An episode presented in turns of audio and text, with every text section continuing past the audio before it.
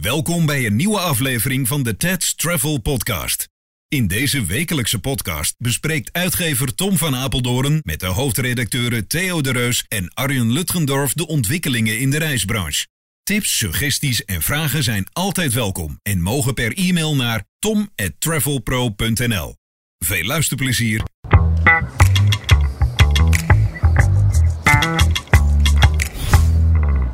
Jan Nijenhuis, Erik van der Waard en Tom van Apeldoorn.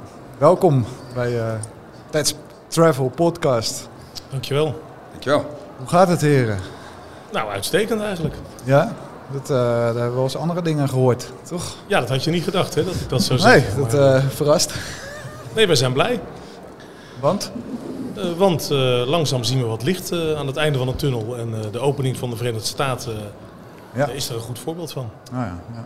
Hoe gaat het verder met je winkels? uh? Nou, als ik kijk, ik heb toevallig vanmorgen uh, nog even nagecheckt, omdat ik wist dat ik deze vraag van een aantal mensen wel zou krijgen. Ja. Iedereen vraagt van elkaar hoe gaat het. Ja. Uh, als ik kijk naar de vertrekmaanden september, oktober, november, december, dan zijn die bij ons zelfs iets boven het niveau van 2019. Vertrekken. Ja. Nou ja, dat vind ik hartstikke fijn. Maar en alle winkels zijn nog open? Of hoe, in Apkoude is onze office manager uh, voor zichzelf begonnen als ZRA met het klantenbestand. In Oh. goed overleg overigens. Oh, oké. Okay. Nee, dan... Uh... Ja. In goed Dat- overleg. Ja. Oké, nee, Is dat, eh, was dat eh, via kantonrechtersprocedure dat overleg of was dat echt goed overleg? Dat was uitstekend overleg. Daar ga je niet Verder, op in eh, verder, zeg je maar. Met Breukelen en Woerden gaat het gewoon heerlijk door. Ah, mooi, mooi. Erik, hoe is het uh, in het Hoge Noorden? Nou, bij mij gaat het niet zo goed, maar ik heb wat incassozaakjes voor een collega uit uh, Breukelen gedaan die van, de, van het kantoor af moest. Dus uh, nee, flauwekul. Nee, bij ons gaat ook, uh, het is hetzelfde, hetzelfde verhaal ongeveer. We hebben anderhalf jaar natuurlijk uh, allemaal uh, het dal even gezien. Ja. En daar, normaal gesproken, als je in het dal skiet, ga je weer omhoog, maar dat duurde hier wat langer. Ja, de liften waren niet aan. De liften waren allemaal uh, kapot of uit inderdaad. Dus uh, nee, uh, in het begin uh, wat angstig en uh, waar gaat het heen en waar gaat het naartoe. Maar wel vrij snel geschakeld en uh, uh, gelukkig gezond, uh, financieel en lichamelijk. Dus uh, wij zijn er wel redelijk goed doorheen gekomen, maar uh, neemt niet weg dat we natuurlijk een behoorlijke winkel, winkelhaak in de, in de broek hebben. In de begintijd was er nogal wat animositeit over. Uh, die vouchers werden opgetuigd en er was eigenlijk nog niet lang genoeg nagedacht over hoe het verder moest.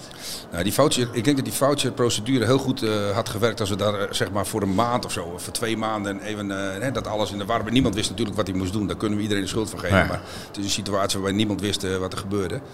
Uh, en daarna is er, uh, ja, is er gewoon in mijn optiek wat te lang uh, gebruik gemaakt van die voucher. Anderzijds staan we daar nog wel bijna allemaal nog overeind, op een paar, ja. op een paar kleintjes na wou ik zeggen.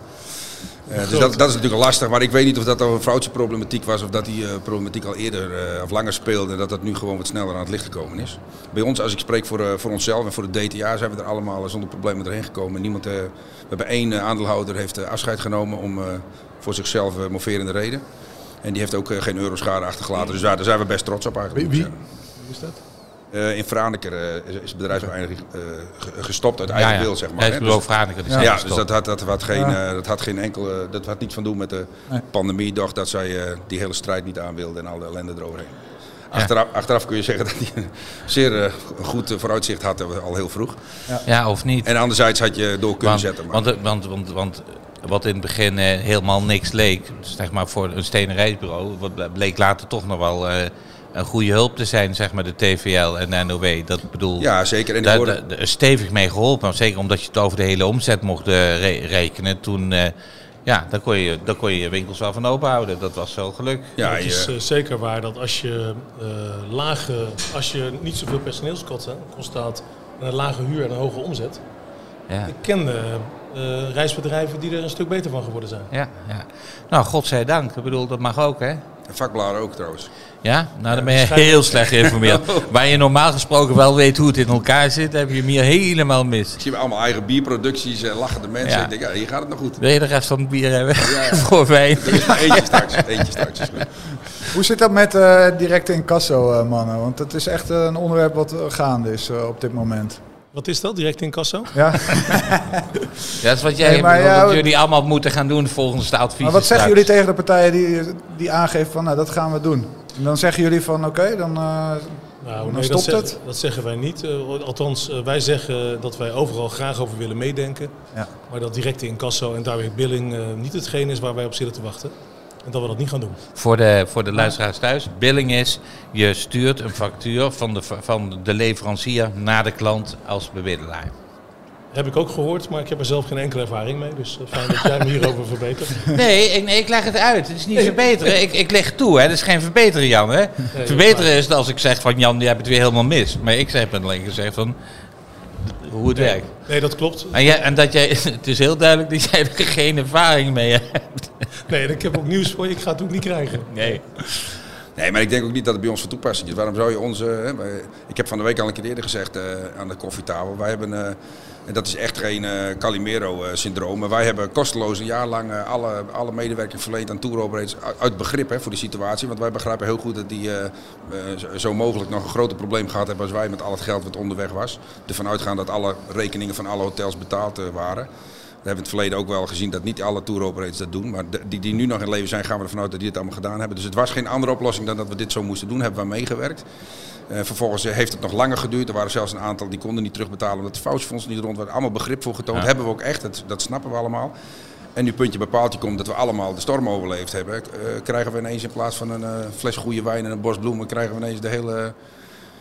Maar zij willen ook financiële zekerheid. Dat is natuurlijk het verhaal van de tegenpartij. Ja, maar dan moeten ze voor een stichting gaan werken of iets anders gaan doen. Want ze noemen het niet voor niks ondernemen. Hè. Ondernemen hou- houdt in dat je altijd een eh, bepaalde onzekerheid hebt. En wij snappen heel goed dat je dat tot een minimum moet beperken. Ja. Eh, maar eh, de, pro- de problemen die nu ontstaan en waarom dit nu ter sprake komt, komt van één partij. En die heeft heel veel schade veroorzaakt. Maar ja, mogelijkerwijs had je daar ook iets anders mee om moeten gaan.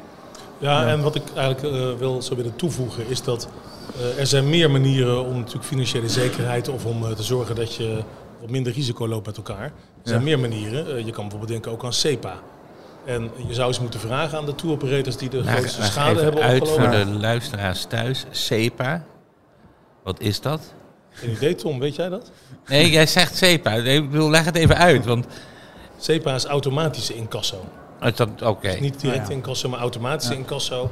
Dan wordt het geld van eh, boekingen eh, die binnen een aantal weken vertrekken, wordt van je rekening afgeschreven. Ja, totdat het er niet op staat, hè? Dan, ja, oké, dat is waar, maar dan, eh, maar dan heb je dat gelijk in de gaten. Dus dan kan je Maar ja. maatregelen nemen. Maar zoals als ze wel direct in kassen doen, stoppen jullie dan echt met verkopen van dat soort partijen? Of hoe, hoe gaat dat nou dan? Want soms sommigen Ja, kun je toch ook gewoon niet heen? Los van het feit of wij het begrijpen of het begrip van. Er is geen businessmodel mogelijk voor de retail bij direct incasso. En dat moet je doen bij iemand die, niet, eh, die je niet vertrouwt of die je niet betaalt. Hè. Mensen die een keer geld leent die je niet terugbetalen, leen je ook geen tweede keer geld. Maar bij de DTA is dat niet van toepassing. En het is precies wat Jan zegt. Als je SEPA, en dan doe je in het hoogseizoen twee keer in de week een SEPA, op vrijdag en op maandag. Dan heb je een risico van een dag of vier. En nog eens een keer, eh, we hebben, er, eh, wij hebben natuurlijk een rekenwonder in ons midden. Hè. Onze directeur uh, Arnoud die kan het heel goed eh, uitrekenen hoe het allemaal zit. We hebben een risico-inventarisatie gemaakt van onze grootste leveranciers. En dat risico is eh, eh, aanzienlijk, doch eh, heel goed op te vangen met een goede SEPA-oplossing. en dat doen we nu allemaal. En, en de mensen waar ik voor kan spreken, dat zijn onze aandeelhouders. Nou, daar is op dit moment helemaal geen enkele aanleiding voor om eh, enige andere vorm van betaling eh, daarvoor te... Tenzij je sneller over meer geld zelf wil beslissen natuurlijk. Ja. Dan zou, een, eh, zou het wel een goede situatie zijn. Nou, alle grote schade volgens mij die is ontstaan, dat was met leveranciers eh, van de DRT-groep die geen SEPA hadden. Dus als we dat wel hadden gehad, denk ik dat er veel minder schade zou zijn ontstaan. Ik wil graag wel een klein ding aan toevoegen, want het lijkt nu net dat wij eh, de hele brand Ja, onderuit je- stappen. Wij zijn heel goed in overleg met de grootste partijen die dit willen. Eh, Die hebben ook heel veel begrip voor ons standpunt. Althans, eh, voor zover we dat nu kunnen inschatten. We hebben met de twee grootste leveranciers daar goed contact over. Die zijn ook bereid met ons aan tafel te gaan. Waarderen wij enorm. En daar zijn we heel goed mee on speaking terms. Dus voordat ik straks de beursvloer weer oploop en iedereen eraf, mijn kop eraf trekt.